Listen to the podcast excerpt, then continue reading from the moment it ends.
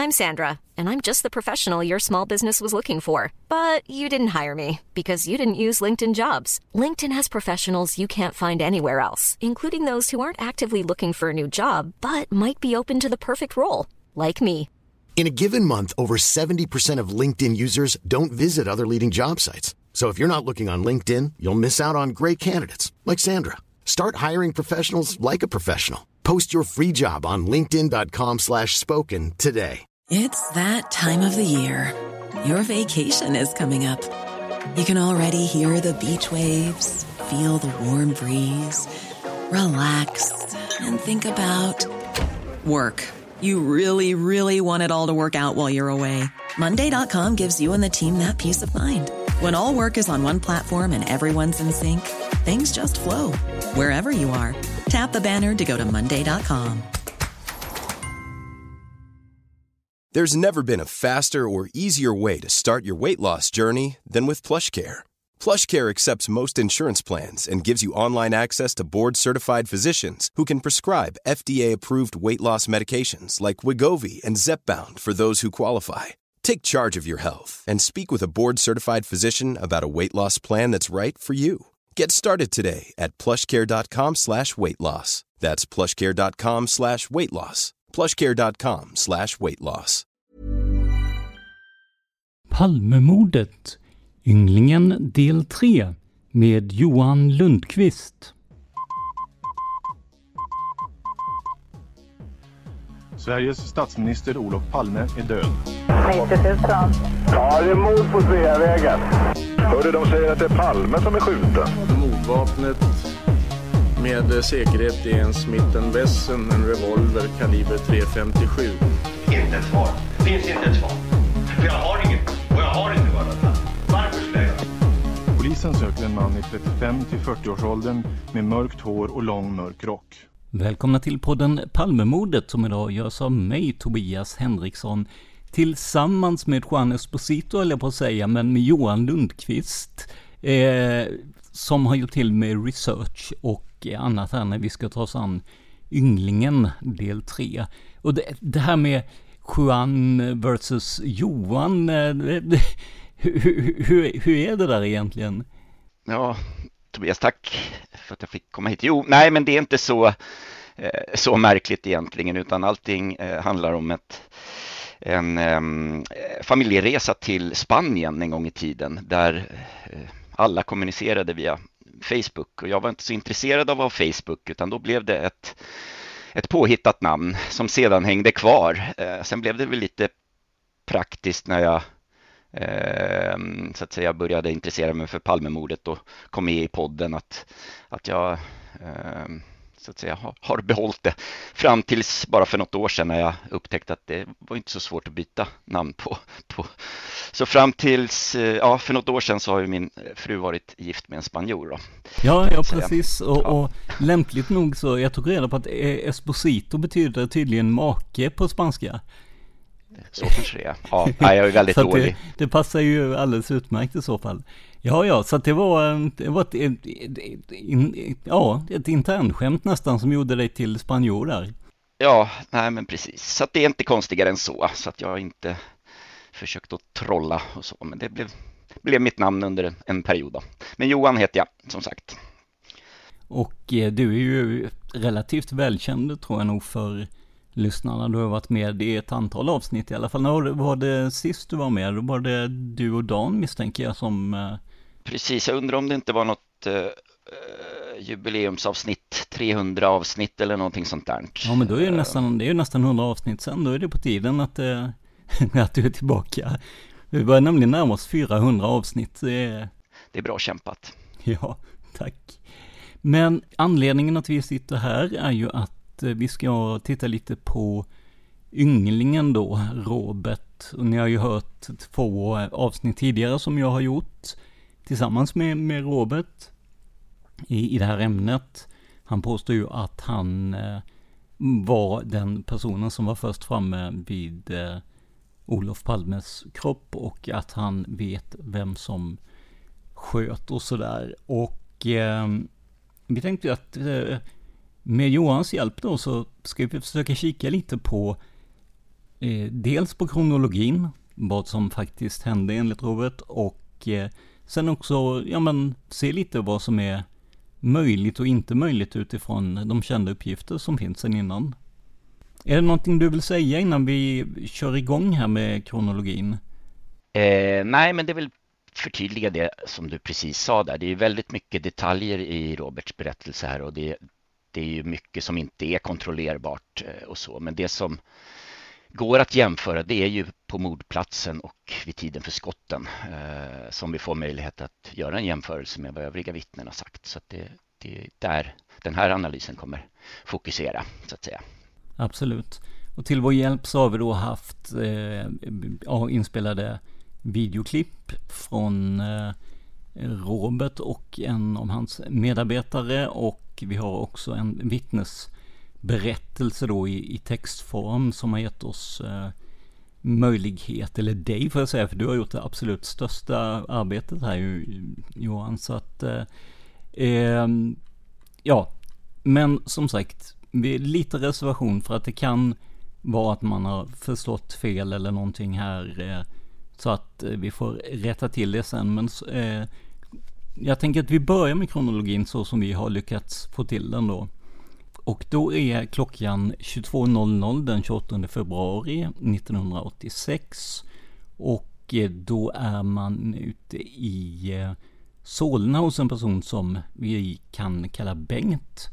Och här var det väldigt viktigt med tiden då, att det skulle vara precis klockan 22 eh, som man skulle åka därifrån. Och eh, här, den här lilla samlingen människor åker till stan, Stockholm, stannar först vid Sveavägen mellan Grand och Adolf Fredriks kyrkogård.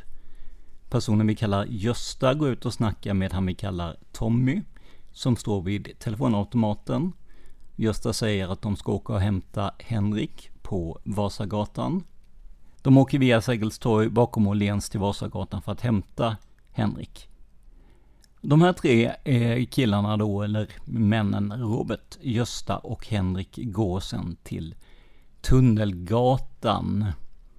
Och eh, kommer fram till korsningen Tunnelgatan, Luntmakargatan, vad jag förstår det. Och eh, här får då Robert i uppgift att gå i trappan och räkna stegen upp och ner där. Sen tar han också rulltrappan vid något tillfälle här. Och eh, den förevändningen han får för det här är att de ska träna inför en filminspelning för en av personerna i den här gruppen har eh, en del med, eller hade i alla fall då, en del med eh, ja, film och nöjesliv att göra. Robert ser vid det här tillfället då detaljer som till exempel ett par och då tror vi väl att det är uppe på åsen då, eller? Ja, det är väl så eh, vi tyder det hela. Det är väl egentligen inte av så stor vikt här då, men ja. Och sen en, en gubbe då som är sur. Eh, när han säger något i stil med Hej på dig, du har jag för mig att han har sagt tidigare. Det var inte mycket mer än så. Sen rör vi oss ner för trapporna vid Tunnelgatan, Luntmakargatan och då ställer sig den här lilla trion är det väl vid barackerna. De kollar efter en kamera, talar om släckta lampor och någon kabel som går in i Skandiahuset. Eh, Robert påstår också att eh, Henrik har tillgång till eh, nyckeln till Dekorima. Eller att någon av dem har dem, troligen Henrik då. De går sedan in i en av de här byggbarackerna som står här och Robert talar vid det här tillfället om igenklistrade fönster och orangefärgade stolar och att någon var på övervåningen. Eh, Robert fick i uppdrag att springa iväg och köpa cigaretter, Röda Prins. Och det här gjorde han på eh, en restaurang runt hörnet. Eh, då säger han det var som en vit skylt med blått också. Enligt Robert så fanns det någon som var inne på Dekorima vid någon elcentral och som kunde släcka om de skulle vilja det. Och sen kommer vi till ett ställe här där vi inte riktigt är säkra på eh, kronologin, så det kan vara ett litet hopp framåt i kronologin här. För att nu står eh, gänget nämligen vid grindarna till den nedstängda T-banenedgången. Eh, Robert eh, pekar att någon står bakom grindarna till den nedstängda uppgången. Och han säger också att Henrik har nycklar till grinden. Efter det här stannar en taxi på andra sidan Sveavägen.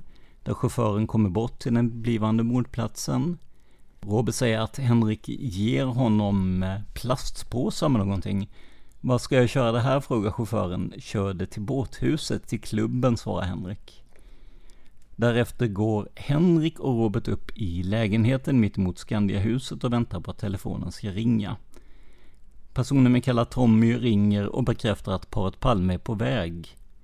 Henrik och Robert springer då ner och genom tunnelbanan som de kommer upp vid hörnet mittemot Dekorima. Och vid Dekorima så ställer sig då Gösta, som vi kallar honom, vid Dekorima-hörnan och ber Robert springa över Sveavägen till västra trottoaren borta vid Gustav Adolfs, vad heter det? Ja, bort till Adolf Fredriks kyrkogata, ja just det. Sedan kommer Henrik efter de får syn på en annan person i gruppen som kommer springande på östra sidan vid Skandiahuset. Och de ser även en man med finskor. Eh, nu, den här lilla utsvävningen eventuellt i kronologin är, är vi så att säga ur nu. Eh, så att vi, eh, jag tror att det är ett hopp tillbaka i kronologin igen här. Det är lite svårt där. Ja, precis. För nu är de plötsligt tillbaka i lägenheten då. Ja, precis. På motsatta sidan Skandiahuset. Och de får då telefonsamtalet som gör att allting blir bråttom. Eh, som sagt, man går vägen via tunnelbanan i gångarna tillbaka och upp till Dekorima. Och Gösta berättar vid Dekorima att det var några finskor där som han skrämt iväg.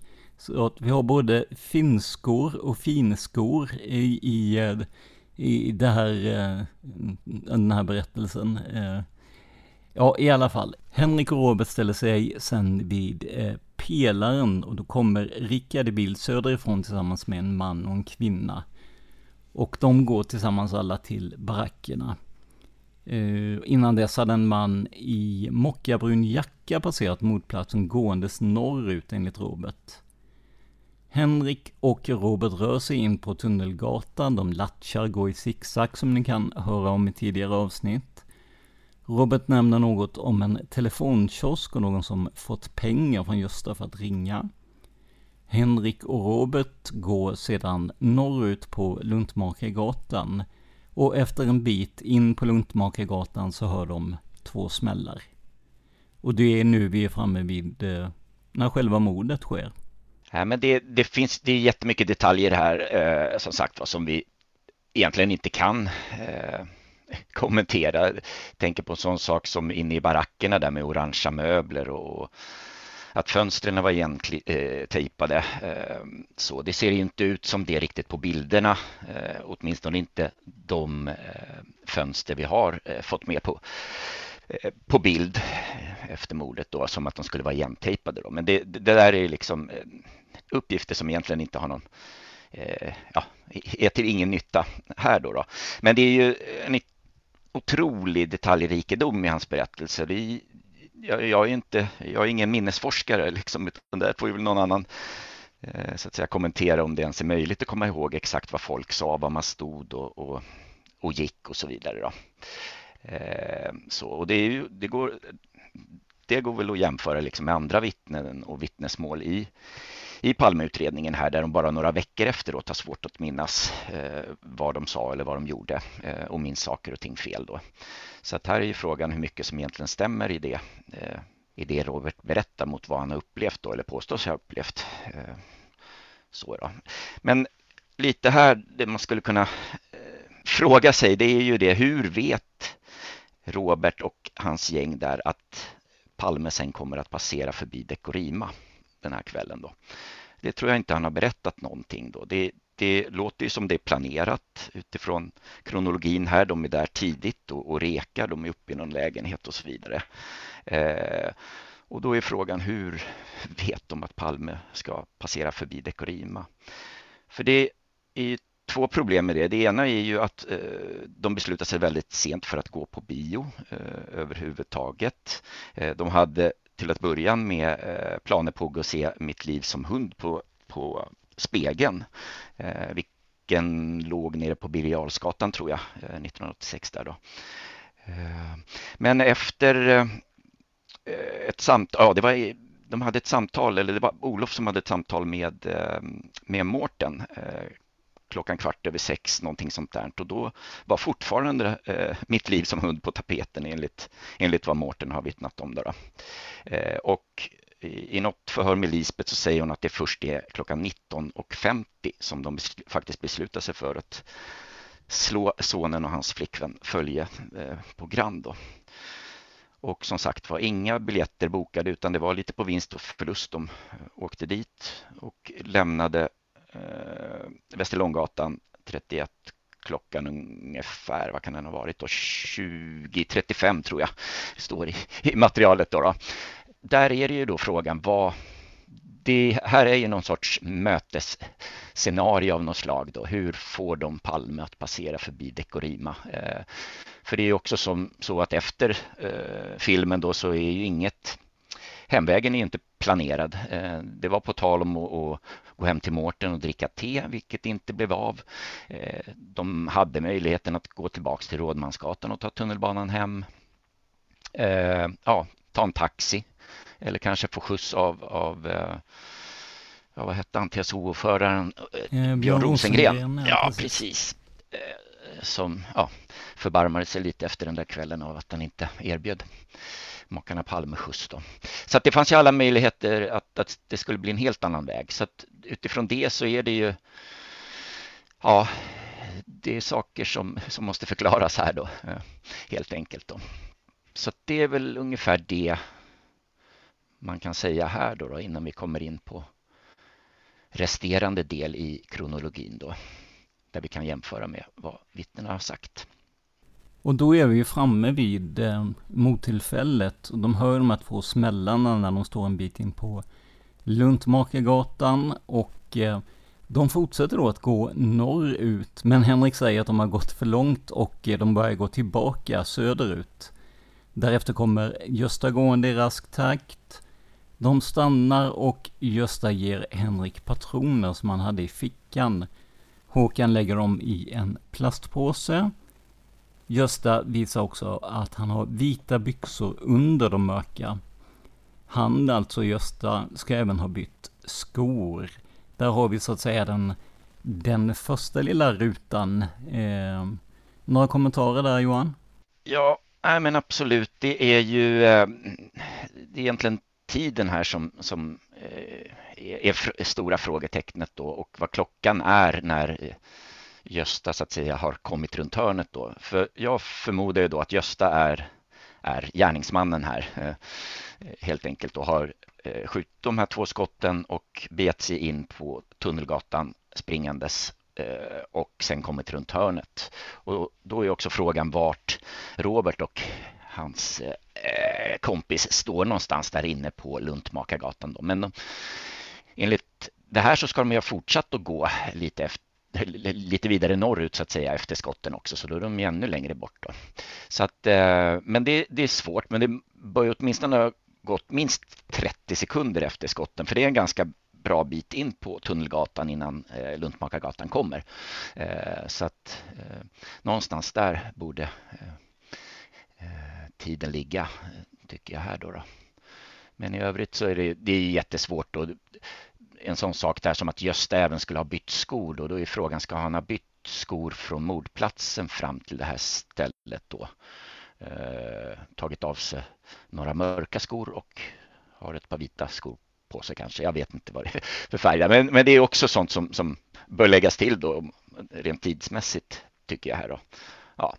Ehm, sen skulle då Henrik och Robert eh, gå tillbaka eh, rätt hastigt då söderut, medan den här personen vi kallar Gösta går vidare norrut och försvinner sen in genom en dörr till Skandiahuset. Och eh, där har man ju, eller Robert har uppgett att man har tillgång till Skandiahuset, lite oklart hur vad jag förstår, men eh, eh det, det är vad han säger då. Hey, I'm Ryan Reynolds. Recently, I asked Mint Mobile's legal team if big wireless companies are allowed to raise prices due to inflation. They said yes. And then when I asked if raising prices technically violates those onerous two year contracts, they said, What the f are you talking about, you insane Hollywood ass? So to recap, we're cutting the price of Mint Unlimited from $30 a month to just $15 a month. Give it a try at mintmobile.com slash switch. $45 up front for three months plus taxes and fees. Promoting for new customers for limited time. Unlimited more than 40 gigabytes per month. Slows. Full terms at mintmobile.com. There's never been a faster or easier way to start your weight loss journey than with PlushCare. PlushCare accepts most insurance plans and gives you online access to board-certified physicians who can prescribe FDA-approved weight loss medications like Wigovi and Zepbound for those who qualify. Take charge of your health and speak with a board-certified physician about a weight loss plan that's right for you. Get started today at plushcare.com slash weight loss. That's plushcare.com slash weight loss. plushcare.com slash weight loss. One size fits all seemed like a good idea for clothes. Nice dress. Uh, it's a it's a t-shirt. Until you tried it on. Same goes for your healthcare. That's why United Healthcare offers a variety of flexible, budget-friendly coverage for medical, vision, dental, and more. So whether you're between jobs, coming off a parent's plan, or even missed open enrollment, you can find the plan that fits you best. Find out more about United Healthcare coverage at uh1.com. That's uh1.com. Det, Henrik och Robert ställer sig vid barackerna, ungefär mitten av dessa. Och då kommer den långe mannen, det vill säga Rickard, eh, fram. Någonting eh, där eller ska jag... Nej, det är, ja precis. Nej, det är svårt att kommentera det där. Det, det... Vi befinner oss då vid mitten av barackerna. När eh, Robert tittar ner mot mordplatsen så försvinner Henrik och Rickard upp för trapporna då, Tunnelgatan. Robert menar att han även ser en, vad han kallar fjant, en person med blå jacka som står bakom baracken. Och på väg mot mordplatsen möter Robert ytterligare en man, eller en herre. En lång person som inte kunde vara Stig. Och eh, det är oklart om det är Skandiamannen som avses, men han har nämnts tidigare när Robert och jag har, har pratat, så att jag, eh, jag misstänker att det är Stig E som avses här. Mm, det kanske det är, ja precis.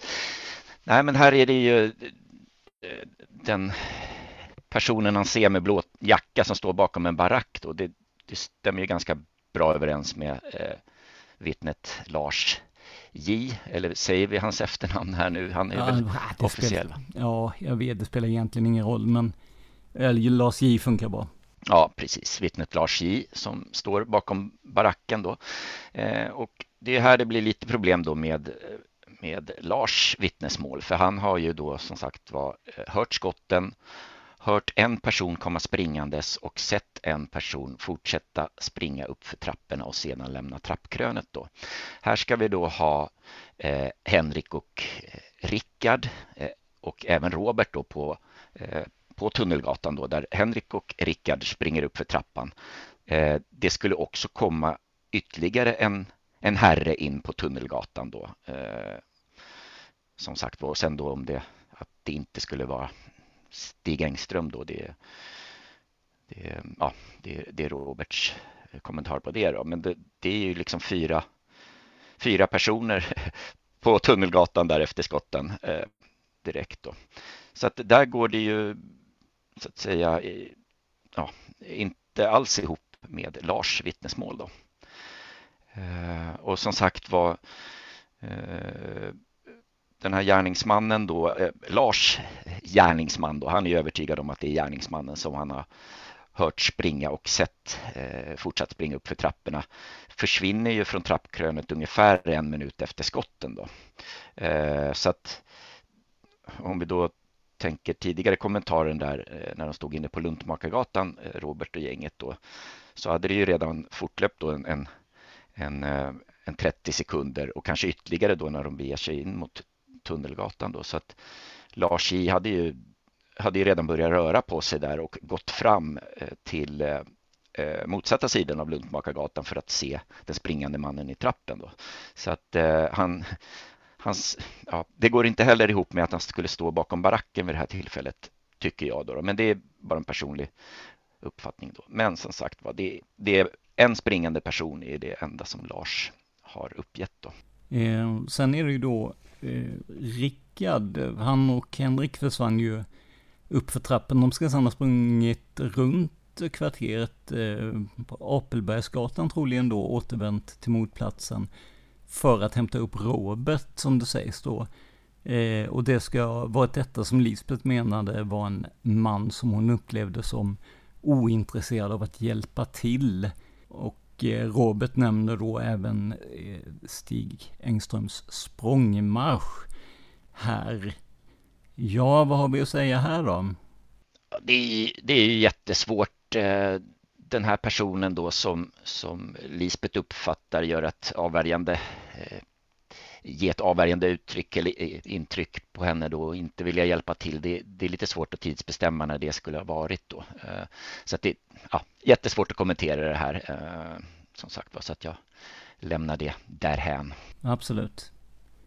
Sen har vi ju då det som händer enligt Robert när han kommer fram till mordplatsen då. Eh, och då menar ju han att det fanns varken bilar eller människor på platsen. Vad säger du om det? Ja, men precis. Nej, det är ju... Det är, där är det ju också någonting som, som blir väldigt svårt tidsmässigt här. För ganska så, så snabbt så strömmar ju folk till. Vi har eh, ett antal bilar som står för rött ljus eh, vid eh, korsningen Tunnelgatan-Sveavägen.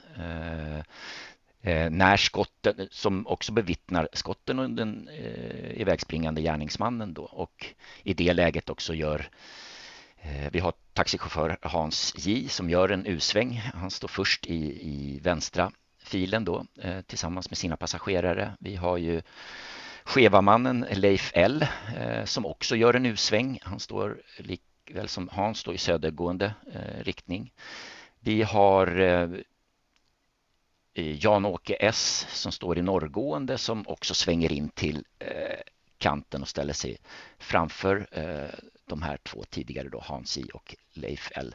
Så att ganska så snabbt så var det ju redan åtminstone tre bilar där eh, och så har vi ju då Anna H, Anna Hage och Karin J som eh, också lämnar sin bil eh, för att springa fram till mordplatsen då. Och de är ju, om inte de första så bland de första tillsammans med Stefan G som är en passagerare i Hans Js taxi. Då. Så att Eh, väldigt, väldigt snabbt så är det ju eh, ganska så många personer på mordplatsen då. Och tidsmässigt då utifrån eh, Roberts berättelse då så har, ju det säkerligen gått över en minut nu innan, de, innan han är nere på mordplatsen då och då borde det vara fullt med folk där. Han borde inte se en, liksom en, en, tom, en, en tom mordplats med bara Lisbet och eh, Olof, tänker jag. Eh, just ja, vi har ju även eh, Anders B också som, som är det närmaste vittnet som eh, flyr in i Dekorimaporten där så att han är ju också på, på plats då men lite gömd då. Ja, det är lite svårt att få ihop få ihop det här. Det är ju som sagt var det är otroligt många vittnen som har, eh, har sett eh, själva mordet och en flyende gärningsman och flertalet strömmar ju också till i, i snabb takt. Då. Och det här Robert säger om att han försöker lugna en upprörd Lisbeth då? Mm, ja, precis. Nej, det går ju inte säga någonting om, men det vi vet är att det är flera som, som försöker göra just det. Vi har eh, Karin J då, eh, Anna Hages eh, kompis som eh, försöker trösta eh, och lugna Lisbeth och vi har även Kenneth E som är Stefan Gs kompis och åkte med Hans J's taxibil där och som också försöker enligt egen uppgift då, lugna ner Lisbeth. Då. Så att, ja, det är inte så mycket mer att säga, men mer än att det är flera som som menar att de också försökt lugna, lugna Lisbeth. Då. Är hon på väg ut i trafiken då som Robert säger? Ja, men precis. Där har vi ju också en, en, en, en uppgift som inte är så där jätte, eh, jättekänd, jag på att säga, men jättetydlig. Men, men det är faktiskt så att vi har eh, ett, ett, några vittnesmål om att eh, Lisbeth är, rusar omkring och är på väg ut i trafiken. Vi har eh, taxichaufför Hans J som står för den uppgiften. Vi har även Karin J eh, nyss nämnda då. Och sen har vi också Stig Engström som eh, nämner detta. Eh, och sen är det ju när väl piketen kommer, Södermalmspiketen 3230, så har vi en uppgift från eh, Claes Gedda som sitter där i som berättar hur Lisbet kommer fram och bankar på piketbussen. Då. Men ja, det är väl kanske inte ute i gatan då, men, men vi har lite uppgifter då på att så det där är faktiskt en uppgift som, som stämmer. Robert säger ju att han sätter sig ner och tar pulsen på Palme och lägger honom i framstupa sidoläge, men det är ju fler personer som har sagt att, att de har gjort det. Mm. Ja, men precis. Här är ju väldigt likt de uppgifterna som Stefan G har berättat eh, tidigt eh, om då. Eh, och eh, att Stefan då med andras hjälp, eh, bland annat kompisen eh, Kenneth E har eh, hjälpt till och lagt eh, Palme i framstupa sidoläge. Eh, så har han också tagit pulsen och det har även Anna H gjort. och här är det också svårt att veta när skulle Robert tidsmässigt ha, ha gjort det här då? då? det är ju som sagt var, det, det är fler som tar pulsen och bland annat då eh, som sagt var Stefan G som ja, vi kommer beröra lite mer här eh, framåt också. Då. Eh, Robert säger att det var en taxi som var först och som svängde runt och det låter väl ändå det låter väl ändå vettigt? Ja, men precis. Och det är ju, den taxin som svängde runt var ju eh, Hans J eh, i en vit Mercedes då. Men, men det är också här med, med det tidsmässiga här när Robert väl är framme efter någon minut eh, så, så, har den här taxin redan svängt runt. Eh, Hans J har ju också eh, uppgifter om att han ser gärningsmannen löpa inne på Tunnelgatan. Han ser som sagt var också eh, eller han står parkerad så att han, han står i Tunnelgatans riktning då, eller i förlängningen. Och även där då kopplat lite till de övriga uppgifterna vi har diskuterat här så, så ser ju inte Hans J någon annan än den här springande mannen inne på Tunnelgatan. Eh, och vi var inne på att det var fyra personer där under en period eh, efter skotten. Då. Eh, så det måste han verkligen ha missat. Um, nej men precis. Det är väl det jag kan säga om den. Men som sagt var, taxin borde ha stått där på plats. De svängde runt ganska så hastigt. Och sen ska det ha kommit två flickor söderifrån. Eh, kan man misstänka att det rör sig om Anna Hage och Karin J. Mm. Ja men precis. Eh, det bör det ju vara. Men återigen där så, så de borde redan ha varit framme. Eh, och även då Stefan G eh, som sitter med Hans J's taxibil där. De svänger ju runt, gör den här U-svängen och samtliga passagerare där lämnar taxibilen och hoppar ut. Då. Så att om det nu är Anna som är först eller om det är Stefan G som är först framme, det, det är väl frågan, men det, det är de det handlar om. Då. Och som sagt var, det är, jag vet inte, det är jättesvårt att gissa här hur många sekunder som har förflutit efter skotten, men jag, max 30 sekunder efter skotten så tror jag Anna och Stefan och, och Karin är, är framme vid Olof Palme. Mm, mm. Och då ska ju Anna Hage ha vänt på Palme enligt Robert och frågat Robert om han kan det här. Och Robert har då svarat ja. Eh, Robert säger också att han har några personer bakom sig där någon säger att Robert inte alls kan det där. Varvid Anna Hage tar över mjärtkompressioner och Robert börjar utföra mun mot mun. Hur eh, stämmer det?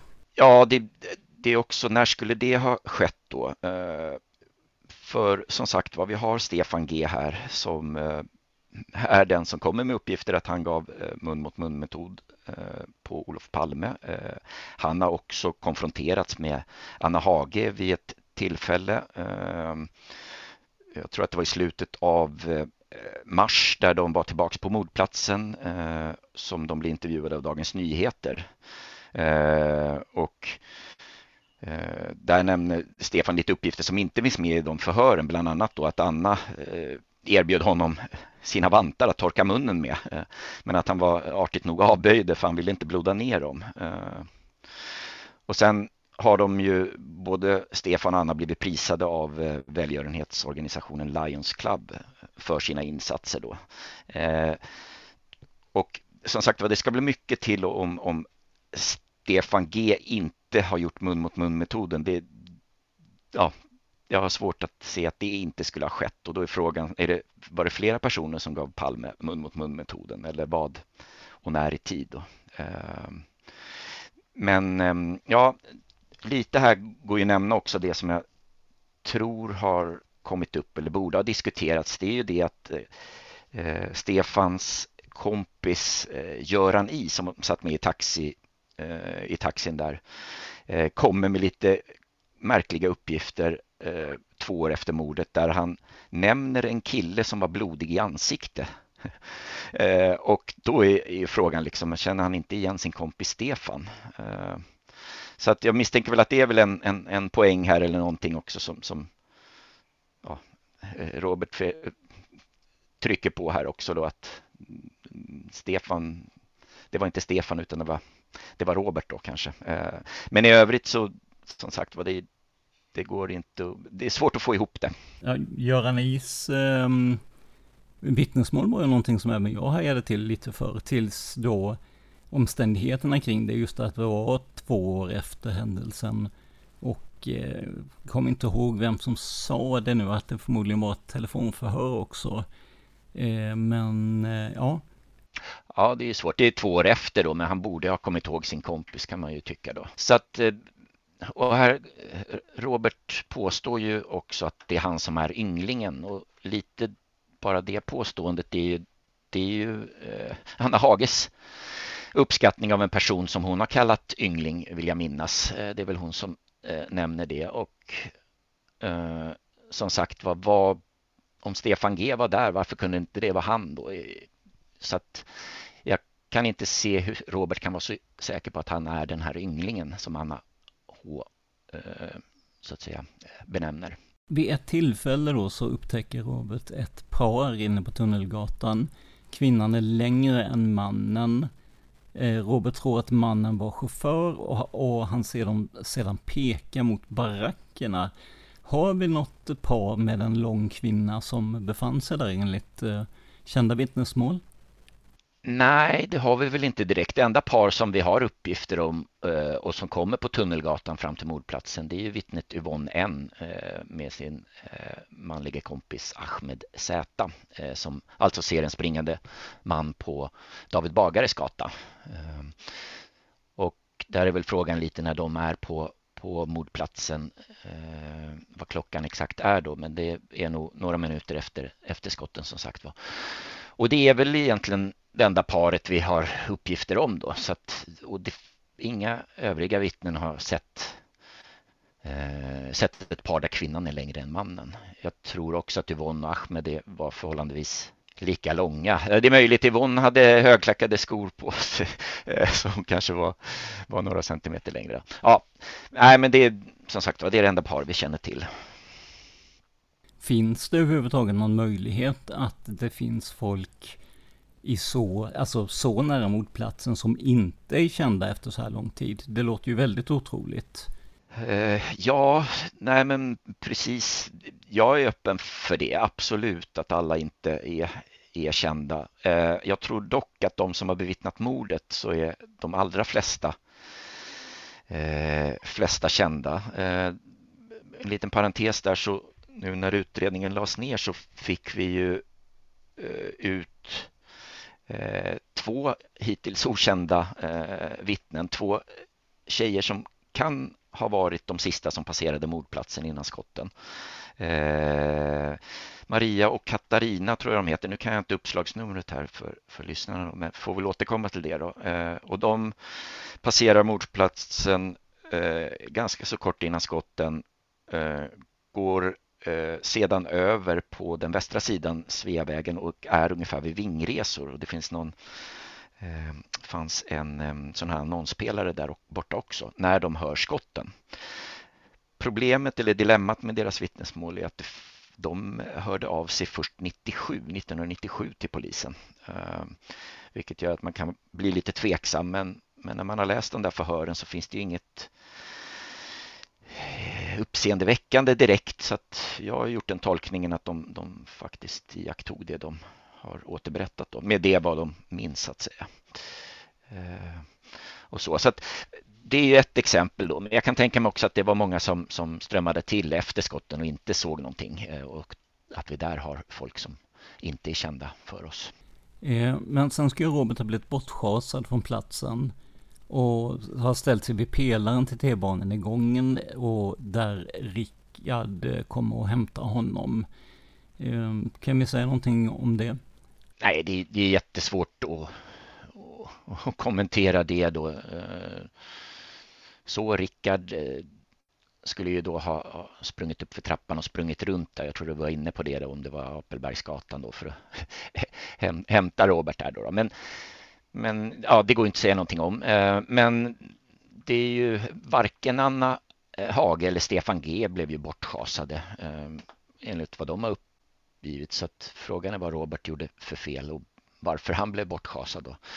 Anna var väl, hon, hon bortschasad och bortschasad. Jag vet att Lisbeth kom, eller hon kom med uppgifter om att Lisbeth inte var så pigg på, på det här med med eh, hjärtkompressioner utan hon ville ha läkare och ambulans och sådär. Eh, och det är väl ungefär i det, det, det sambandet som, som Karin också försöker, eh, kompisen Karin där försöker lugna Lisbeth. Då. Om man tittar på uppgifterna så. Nej, det, det går inte att kommentera. Men sen lite senare så berättar ju Robert då också att en Eh, Eh, Tommy har varit tvungen att stoppa Leif L, även kallad Skeva-mannen då. Då han annars riskerat att komma för tidigt. Ehm, ja, jag har lite svårt att komma för tidigt till mordplatsen antar jag då. Ja, där, det får väl Robert svara på vad, vad tanken är där. Men eh, jag tänkte väl likadant, att komma för tidigt, vad, är, vad betyder det då? vad är syftet och, och vikten med, med, att Leif skulle komma exakt på rätt tidpunkt? Jag tänker, hade han kommit senare så hade det ju bara varit till fördel om man planerade ett mord ju, så att säga. Att, eh, ju senare folk kommer till platsen desto bättre, större chans att smita. Ja, nej, som sagt var, det är jättesvårt att, och just det där då, men vi har ju inga uppgifter alls från vare sig Leif L eller kompisen eh, Janne A eh, som också var med i bilen om att de skulle ha blivit stoppade eller hindrade på något sätt. Eh, så att, eh, ja, det är väl det man, man skulle kunna, kunna säga där. Då. Sen, sen har ju Robert kommit med väldigt mycket uppgifter som är före och efter själva mordhändelsen, men det är det är så väldigt lite i det egentligen som är kontrollerbart eh, mot, mot kända fakta. Så att det finns, egentligen finns ju ingen, ja vad ska vi säga, det finns nästan ingen poäng i att ta det en, en vända till så att säga. Utan vi har, vi har ju hela narrativet i, i de två tidigare avsnitten där ju. Nej, men det är väl här som är det mest väsentliga eh, kring själva just kopplingen till Palmemordet och själva mordplatsen med de vittnen som finns där då. Sen om stolarna i baracken hade orange eller blåa stolar, det går säkert kanske att kolla upp om man gräver riktigt djupt, men det får ingen nytta av den uppgiften, eh, tänker jag. Ehm, så, så att det, det är ju precis det här vi har varit inne på nu som där det ja, som sagt var inte går ihop speciellt mycket med de övriga vittnena eh, förutom några, några punkter då. Eh, som sagt var jag är redan tappad på mordplatsen här i det här fallet och lite är just det att jag ser liknande eh, liknande berättelser på andra håll eller eh, även nu och tidigare där man eh, så att säga tror sig ha bevisat saker och ting som man sedan bygger vidare på och slutligen kommer med en lösning. Ehm, så och det är ju, ja, i det här fallet så känner jag att det är väldigt svårt där på mordplatsen och i övrigt så har jag kanske inte så mycket att, att tillägga egentligen här. Det vi kan konstatera då, om jag förstår det rätt här Johan, det är att eh, de uppgifterna som går att kontrollera eh, stämmer sällan med kända fakta eller andra vittnesmål? Eh, nej, men precis, och det är ofta, eller mycket handlar ju om, om det här med tiden när han kommer till, till eh, Eh, kommer fram till själva mordplatsen efter, efter skotten då, som i den här kronologin blir väldigt, väldigt sent. Eh, sen är det ju just det att han påstår att det skulle vara tomt på mordplatsen och det, det känns som att det, det var det inte. Det kan det inte ha varit utan ganska så snabbt så var det ett gäng vittnen som var på plats och även ett antal bilar. Då. Så det är väl främst det. Sen i övrigt så finns det ju eh, uppgifter här som Robert lyfter fram som på något sätt stöds då. Om han nu är den här ynglingen så stöds det att det var en person då som, som eh, eh, Anna Hage kallade för yngling, benämnde yngling och som gjorde mun mot mun. Då. Men då är ju problemet där blir ju då, ja men Stefan G här då. då. Eh, vart fanns han och skulle han eh, ha ljugit ihop allt? Eh, det, nej, så långt går sträcker inte jag mig utan det är de uppgifterna vi haft från tidiga dagarna där som... Ja, och, och det är också det som har varit eh, tanken med dagens program. Det har ju liksom inte varit att ja, höja någon till skyan eller slå till dem så att de eh, faller omkull eller deras teoribygge faller omkull utan att se vad som ja, vad som stämmer överens med kända fakta och det, det har vi ju det har vi gått igenom det vi har kunnat tycker jag ganska så bra. Absolut. Nej, men det är precis så eh, som du säger. Det här är ju eh, en jämförelse mot de vittnesförhören som vi har från mordplatsen som vi har ställt upp eh, bredvid eh, Roberts berättelsekronologi här. Så det är en jämförelse vi har gjort med kända uppgifter så att säga.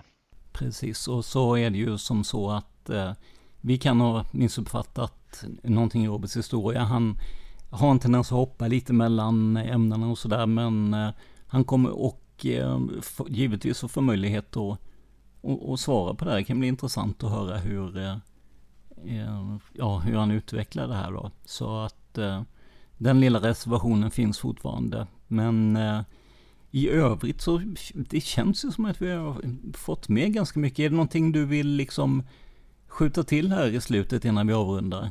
Nej, mer än att uppmana de som lyssnar på det här programmet och ta en, ta en, är man intresserad så att säga, ta en titt i, i vittnesförhören och gör en egen jämförelse och se vad ni kommer fram till. Där för att det problemet med att det inte stämmer med kända vittnesmål, det är ju att i så fall måste man bygga en eh, teori med väldigt många av, även av vittnena inblandade då så att säga. Så att, eh, ja, det är, det är, men jag håller med dig. Ta en, ta en kik ni som eh, känner för det. Vi har ju Palmemordsarkivet och BPU.nu bland annat som eh, eh, som har väldigt mycket dokument och förhören då. Just det. Jag tänkte på det där också som jag var inne på i början av avsnittet här också att det, det är någon form av mötesscenario här eftersom eh, ja, alla uppgifter pekar ju egentligen på att, att biografbesöket var, Eh, var sent påkommet och så vidare och så vidare. Eh, och den utmaningen alla de här mötesteorierna har det är ju då att hitta, förklara, ha en mötesorsak till varför Olof Palme eh, sent en fredagkväll skulle tacka ja till ett möte eh, mitt inne i stan. Eh, och även då ha Lisbet med sig till det där mötet då. Eh, det är väl det man så att säga brottas med i just när det kommer till mötesscenariot då. Och där har vi inte just i det här fallet, ja, nu har ju inte jag läst så otroligt mycket utan mest det närmaste kring själva mordhändelsen då men jag har inte det jag sett och hört så har, har inte något ja, inte det förklarats på något sätt här. Men då så, då är det dags att runda av. Tusen tack eh, Johan Lundqvist alias Juan Esposito tidigare. Eh, tusen tack för eh, hjälpen med analysen här och eh, så lär vi höras när det, om inte annat, när det blir 400 avsnitt som vi firar. Ja, om jag får en inbjudan så. Ja, det, det, det ska jag propsa på kan jag säga. inte nej. Ja, precis. Gott. Äh, men stort tack Tobbe. Tack själv. Acast powers the world's best podcasts. Here's a show that we recommend. The Real Housewives is a guilty pleasure for most, but if you're looking to not feel guilty about that pleasure, tune in to Everything Iconic with me, Danny Pellegrino, where I break down all the messy moments and behind the scenes antics of Bravo's popular franchise. And on Everything Iconic, I also interview celebrity guests like Kelly Ripa, Kiki Palmer, Drew Barrymore, Cameron Diaz, and more about their guilty pleasures, their past work, and so much more. So if you're pop culture obsessed and find yourself watching way too much reality TV like me, tune in to Everything Iconic with Danny Pellegrino wherever you listen to podcasts. ACAST helps creators launch, grow, and monetize their podcasts everywhere. ACAST.com. Med det säger vi tack till vår researcher och Palmenörd Johan Lundqvist för den här gången. Men vi hoppas att vi kommer att höra honom mer i podden snart.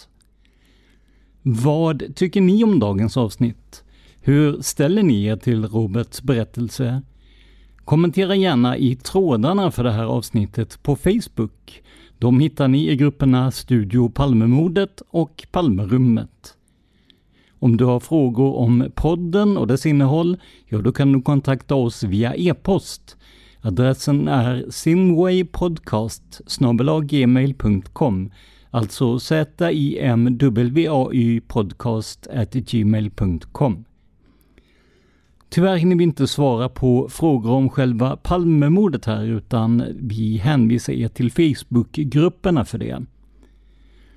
Om du tycker att det vi gör är bra och vill stötta oss ekonomiskt, ja, då går det såklart alldeles utmärkt. Du gör detta lättast genom att gå in på patreon.com palmemordet och välja en summa som podden får per publicerat nytt avsnitt. Om det inte släpps något nytt avsnitt, som det till exempel var vissa veckor när jag var dålig, så dras heller inga pengar. Om du hellre vill göra en engångsdonation, ja då hittar du sätten att göra det på i avsnittsbeskrivningen. Det här var veckans avsnitt av podden Palmemordet som idag gjordes av mig, Tobias Henriksson på PRS Media tillsammans med Johan Lundqvist.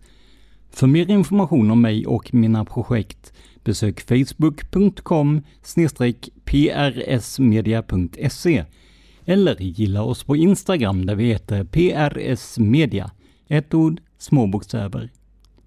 Stort tack till Johan för all hjälp och research inför dagens avsnitt. Men framförallt, stort tack för att du lyssnar på podden Palmemordet. Man hittar Palmes mördare om man följer PKK-spåret till botten. Därför att ända sedan Julius Caesars tid har jag aldrig hört talas om ett mord på en framstående politiker som inte haft politiska skäl. Polisens och åklagarens teori var att han ensam hade skjutit Olof Palme. Och det ledde också till rättegång. Men han frikändes i hovrätten.